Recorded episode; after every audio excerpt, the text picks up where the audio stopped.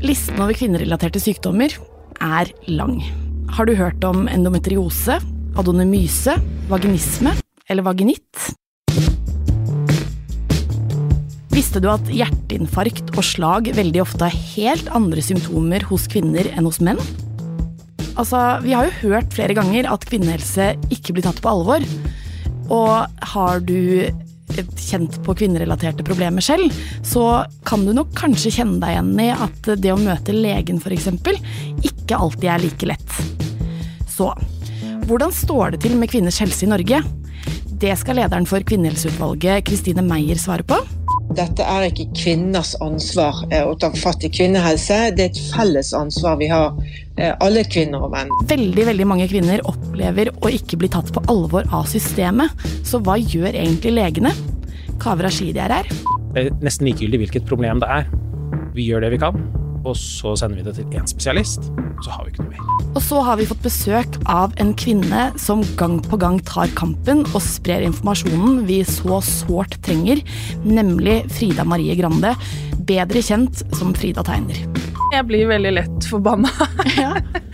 og da får jeg veldig behov for å gjøre et eller annet med det.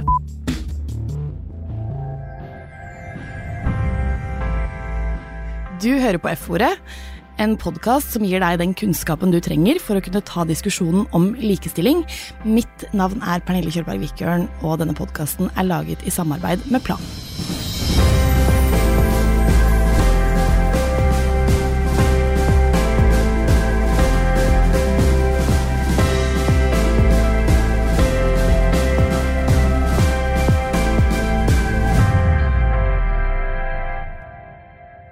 Kristine Meyer, velkommen til F-ordet.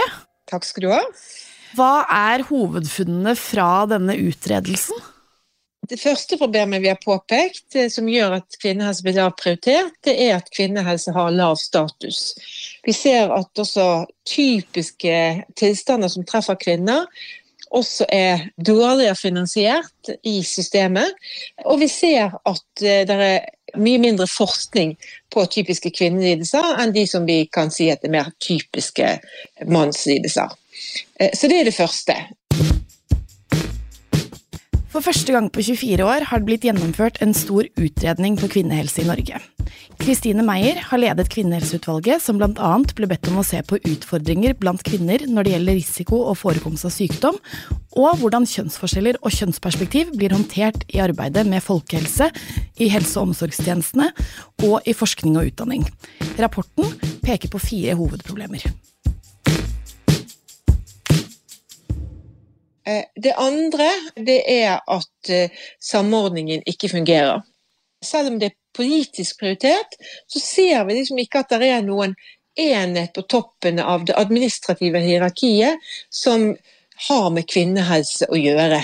Og Derfor ser vi også at det ikke blir eh, spesielt prioritert fra toppen.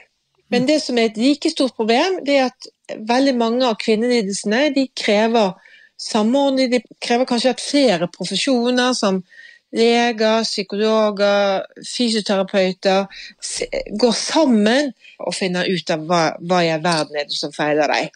Problem nummer tre det er at eh, den kunnskapen vi har, den når ikke frem. Så Vi har i lang tid visst at eh, kvinner føler helt andre symptomer, f.eks. på hjertet.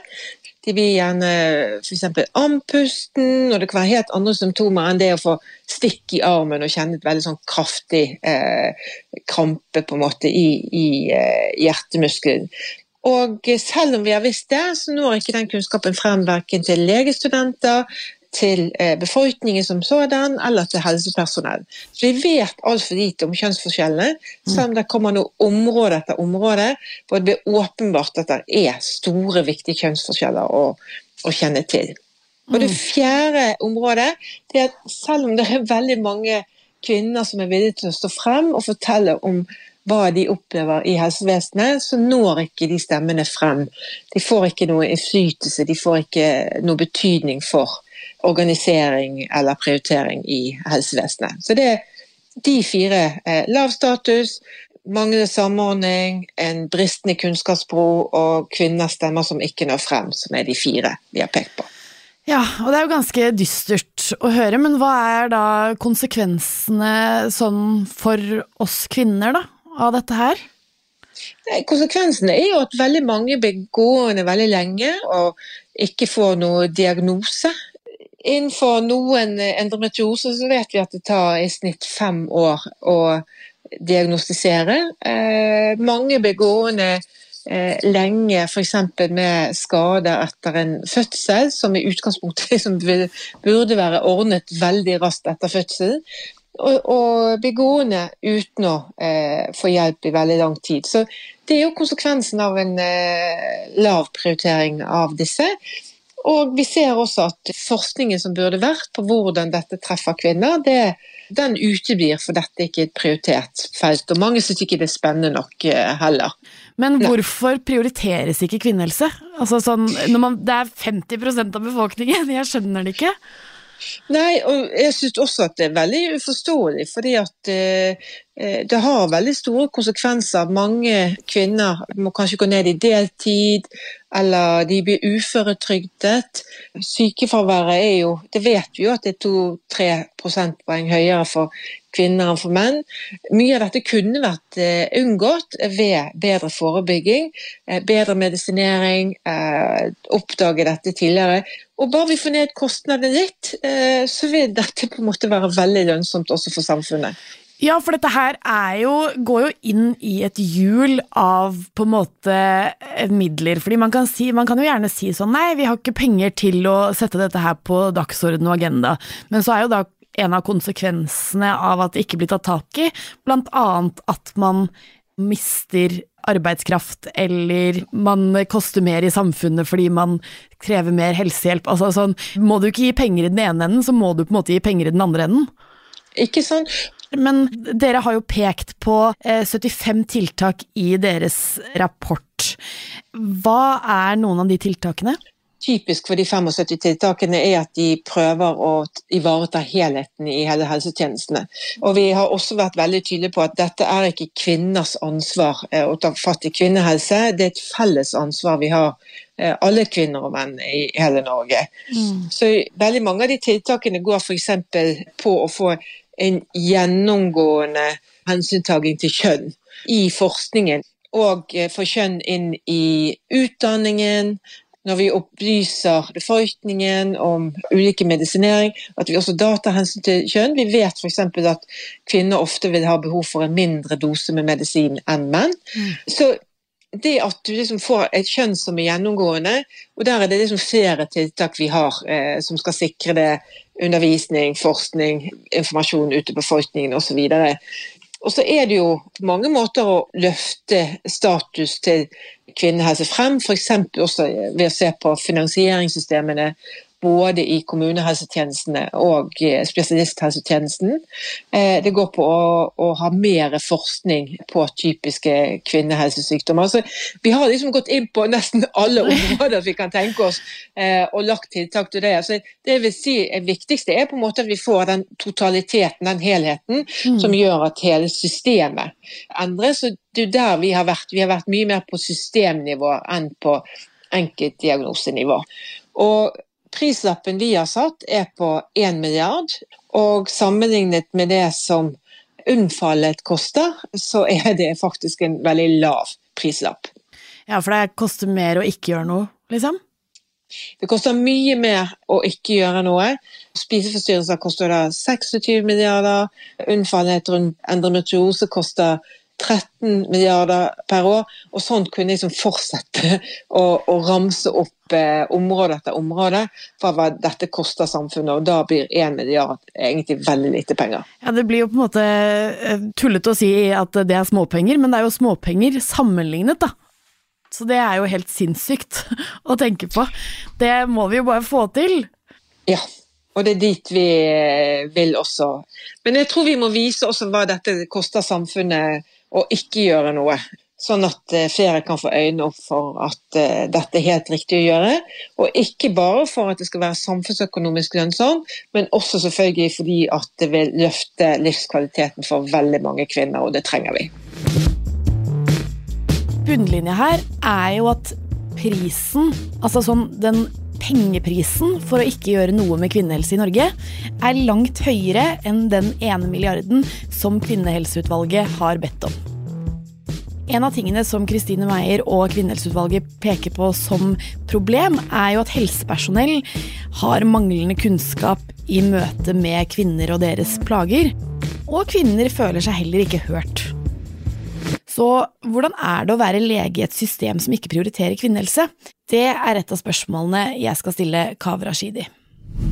Kaveh Rashidi, velkommen til F-ordet. Tusen takk. Det er veldig stas at du er her. Veldig stas å være her. Et av funnene i kvinnehelserapporten viser jo at kvinner opplever at deres helseplager blir bagatellisert, og at stemmene deres ikke blir lyttet til. Og derfor er det jo veldig interessant å høre hva dine tanker er, fordi du er jo lege og møter disse kvinnene på jobb hver dag.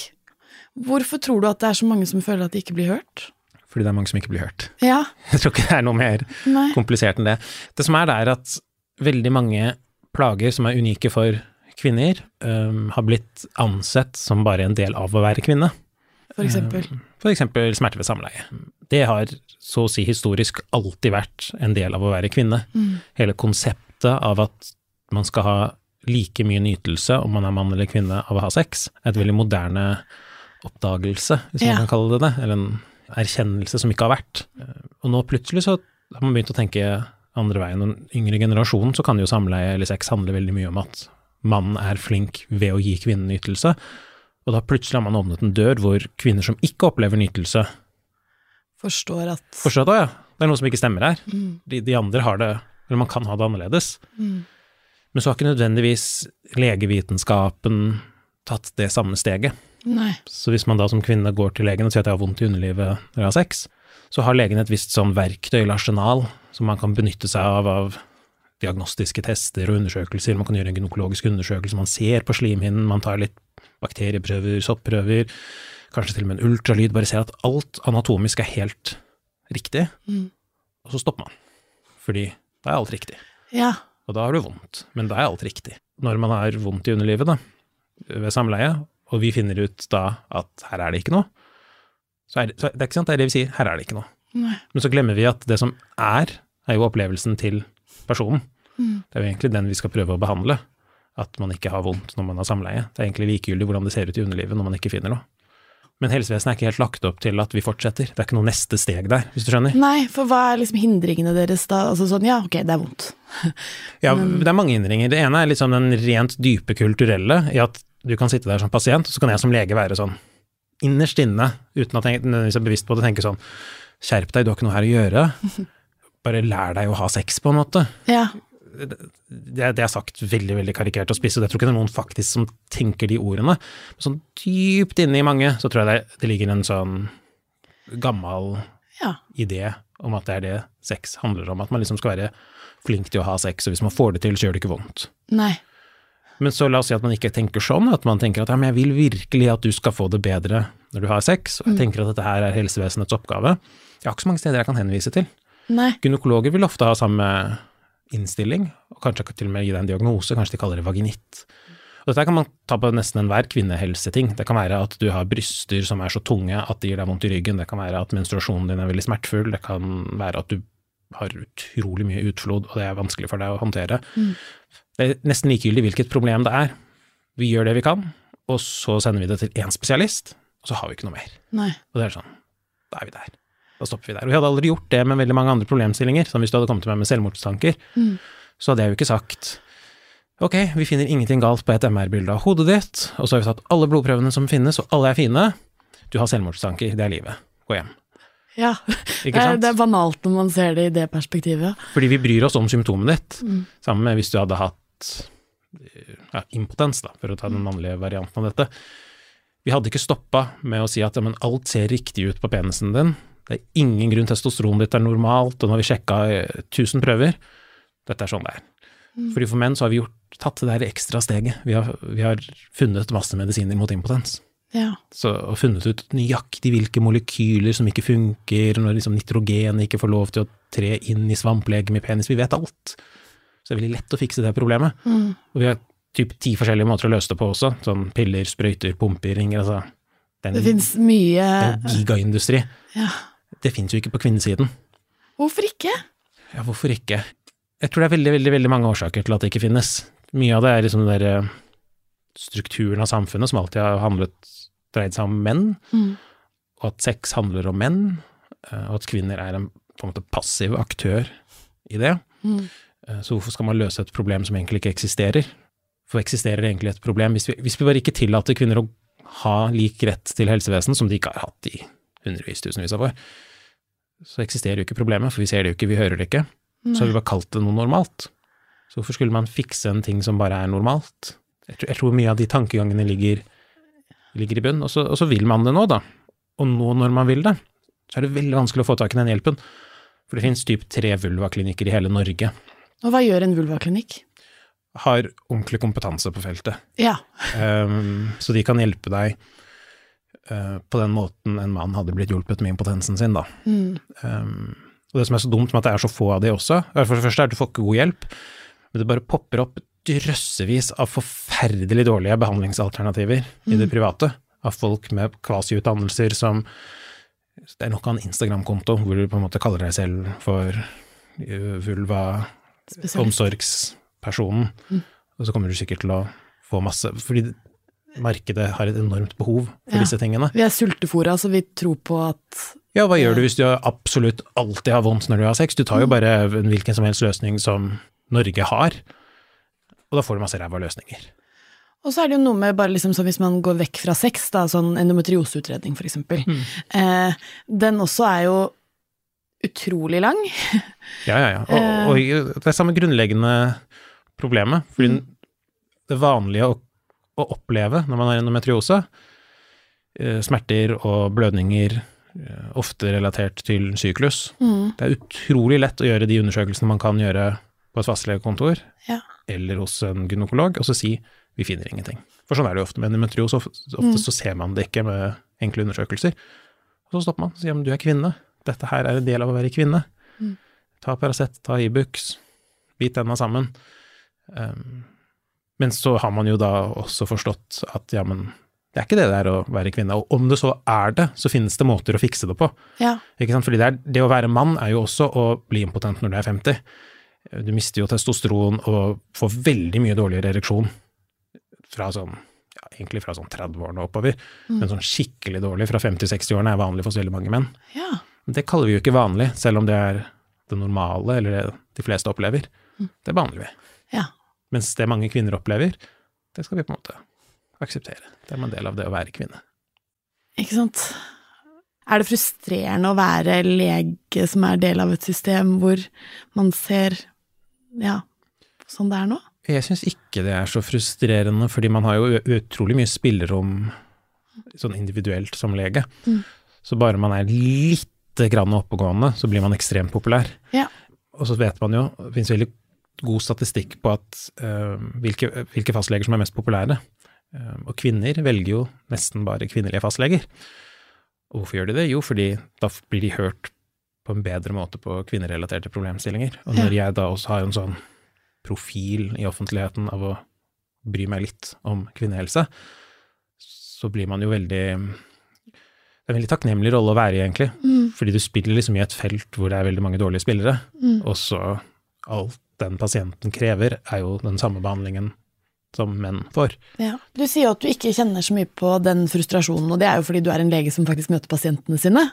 Men kan du kjenne på en frustrasjon over at det ikke fins nok hjelp, på en måte, når de går ut døra fra deg og får en henvisning til en spesialist, så stopper det der, på en måte? Er det frustrerende? Ja, det er veldig ofte frustrerende. Det kan f.eks. være noe jeg ofte kjenner på, er kvinner som blir sendt hjem tidlig etter fødsel.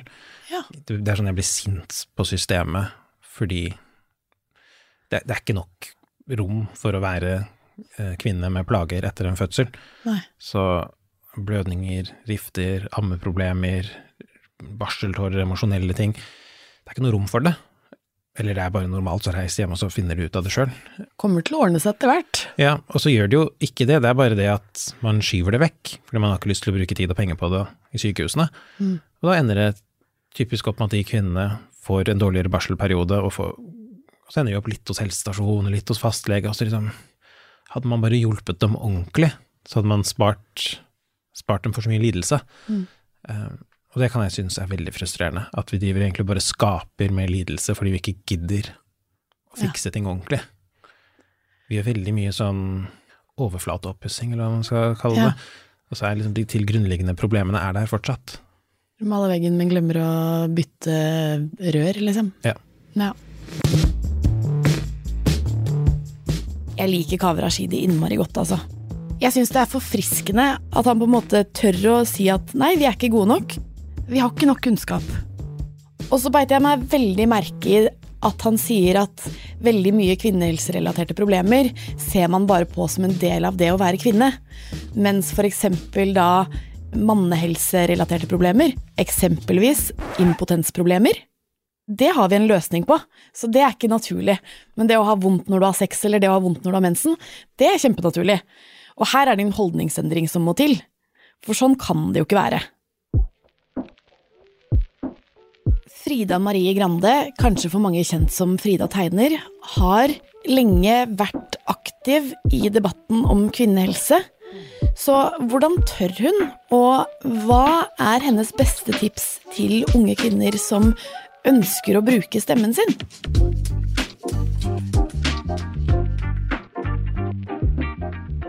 Frida Marie Grande, tusen hjertelig takk for at du ville komme til F-ordet. Takk for at jeg fikk komme.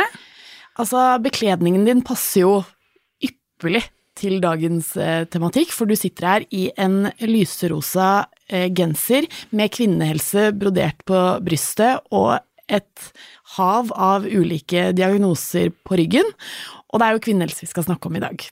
Og Frida, du har vunnet gullpenn for formidling av samfunnsaktuelle saker, eh, og en av de samfunnsaktuelle sakene som du snakker høyt og mye om, det er kvinnehelse. Hvorfor er det viktig for deg å snakke om eh, kvinnehelse? Åh, det er jo i stor grad fordi jeg blir ekstremt provosert over at eh, kvinner blir behandla på den måten de blir behandla. Og ikke bare voksne kvinner, men unge jenter som kommer til legen sin og forteller om store smerter og blir fortalt at sånn er det å være jente. Det orker jeg ikke at det skal være sånn.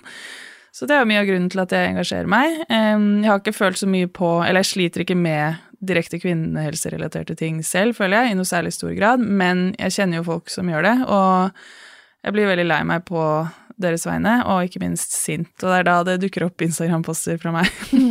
Nå har jo jeg snakket med Kristine Meyer, som er leder for Kvinnehelseutvalget, og den nye rapporten som kom for et par uker siden, er skremmende lik som den rapporten som kom for 24 år siden, i 1999. Hva tenker du om det? Nei, det er jo ganske utrolig at det ikke har skjedd mer på den tiden. Eh, og jeg blir ekstremt frustrert på vegne av alle de kvinnene som sliter så mye som de gjør. Det må være forferdelig vondt å være dem. Så jeg håper virkelig at det skjer noe denne gangen. Men jeg skal ærlig innrømme at eh, jeg er pessimistisk. Jeg har ikke lyst til å være det, men jeg føler ikke det er så mange grunner til å tro på at det kommer til å skje så forferdelig mye. Men man får jo håpe, da. Ja, og, og du er jo vokal og bruker stemmen din. Er det derfor, på en måte, eller? Ja, det er jo det. Jeg blir veldig lett forbanna. Ja. Eh, og da får jeg veldig behov for å gjøre et eller annet med det. Prøve å gjøre et eller annet konstruktivt, liksom. Eh, og det er jo egentlig sånn min Instagram-konto har vokst, at jeg bare har et enormt behov for å spy ut det jeg blir sint for. Eh, og det ser jeg jo at mange trenger, da. Ja. Eh, og at de blir veldig glad for å få innlegg de kan dele videre og engasjere seg i, eksempel. ja, det resonnerer jo med veldig mange. Ja, Og, men det er jo også veldig bra da, egentlig at det resonnerer med veldig mange, fordi det er jo et steg i riktig retning, er jo at vi alle sammen begynner å engasjere oss i saker som ikke nødvendigvis treffer inn på oss direkte i øyeblikket nå. Ja, Fordi- absolutt. Og det er litt av grunnen til at jeg har laget klær med masse diagnoser innenfor kvinnehelse også, fordi jeg tror så veldig på at hvis vi snakker mer om ting, så vil vi automatisk klare å flytte samfunnet vårt litt videre. Ikke at det løser alt i seg selv, men det vil også gjøre at politikere eksempel blir mer opptatt av det fordi de skjønner at velgerne deres er opptatt av det. Ja, Eh, og det er jo ofte sånn man får gjennomført politikk, at Absolutt. eh, velgerne gir tydelig uttrykk for hva de er opptatt av. Mm. Hva vil du si til folk som er litt sånn engstelige for å eh, bruke stemmen sin og snakke høyt om eksempel kvinnehelse? Jeg vil først si at jeg skjønner veldig godt at det er skummelt, Men eh, det er ikke så mye å være redd for. Jeg tenker man skal følge magefølelsen sin, og hvis det er noe du virkelig tror på, så kan du si det høyt. Men hvis du er usikker, så kan du også bare sjekke det med noen rundt deg først. Sånn, virker disse formuleringene ok, liksom, eller er det noe annet jeg burde hatt med et til perspektiv? Og så legge det ut. Og så må man være forberedt, dessverre, på at det kan komme drittkommentarer mm. i sosiale medier. Um, men for min del så klarer jeg i hvert fall ganske lett å skille mellom de som er veldig useriøse, og de som faktisk har legitime tilbakemeldinger til meg, og det må jeg jo ta på alvor. Ja, for det finnes jo utrolig mange nyanser i veldig mye. Ja, og som... det er ekstremt utfordrende. Sånn som jeg har tidligere jobba i Redd Barna og Amnesty, og da har jeg hatt masse politiske rådgivere rundt meg som har hjulpet til med å utforme budskap, mm. og som mm. har kunnet si sånn ja, det er riktig å si. Mm. Og nå står jeg helt på bar bakke, så det er klart at det er jo litt skummelt. Men det finnes masse gode kilder på eh, internett, så lenge du liksom er litt kritisk. Mm. Um, så man kan bruke det da, når man skal uttale seg om noe man er opptatt av. Ja. Men da, vi bruker stemmen, vi snakker høyt om de viktige sakene. Eh, vi fortsetter å kjempe for at helsen vår skal bli tatt på alvor. Men så kommer vi i en situasjon der vi er hos legen med kvinnerelaterte plager. Hvordan skal vi få til å bli tatt seriøst? Det kan jo være kjempevanskelig, og det kommer helt an på hvilken lege du kommer til. Noen mm. er jo veldig mye bedre enn andre, men jeg tenker det kan være lurt å forberede seg litt. Kanskje skrive ned hva man ønsker å formidle, fordi når man først sitter der, så kan det være veldig skummelt. Nå har ikke jeg tatt opp kvinnehelserelaterte ting direkte, men jeg har vært mye sykemeldt de siste par åra pga. Mm. utbrenthet, og det syns jeg har vært ekstremt ubehagelig å snakke med legen om, fordi tidligere så har jeg bare snakka om fysiske ting, på en måte. Eh, og da måtte jeg til slutt bare tørre å hoppe skikkelig i det og snakke med store bokstaver, fordi jeg merka at ikke, det førte ikke helt frem, det jeg prøvde å formidle. Og worst case, tenker jeg, ta med deg noen du er glad i. Det er ikke ulovlig det å ta med seg partneren sin eller noen i familien til mm. legen eh, for å få litt backing i det du skal si. Eh, det tenker jeg er kjempeviktig. Mm. Ja, det er litt som å egentlig gå inn i en medarbeidersamtale ja. eller et viktig møte, på en måte. Du har jo forberedt deg på forhånd, og hvis du tar med deg da de notatene og slår i bord med det, så er i hvert fall oddsen der for at det kanskje er litt lettere å komme gjennom. Ja, og hvis du er redd for å møte på holdninger som er sånn nei, nei, men sånn er det å være mm. kvinne, så kanskje du skal ta med deg noen forskningsartikler eller noe dokumentasjon mm. på at det du sliter med, er et faktisk problem. Ja. Eh, og eventuelt selv finne frem til spesialister som du kan be om henvisning til, da. Det er ikke til å stikke under en stol at det er sjukt frustrerende og jævlig irriterende at vi må jobbe så hardt for at noe så enkelt som helsen vår skal bli tatt på alvor. Husk likevel at du kjenner din egen kropp best. Så hvis du ikke blir møtt av legene, eller eh, du ikke føler deg hørt, skriv den lista og ta med deg vennen din, og fortsett å mase, fordi det er viktig at du skal ha det bra. Og det må du huske på, for det er ikke meningen at du skal gå rundt og ha vondt.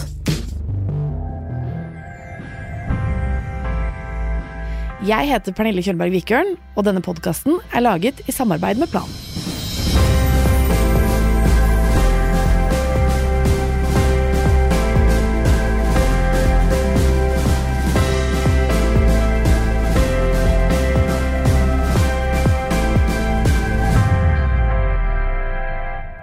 Denne podkasten er produsert av Freemantle Podcast for Plan International Norge.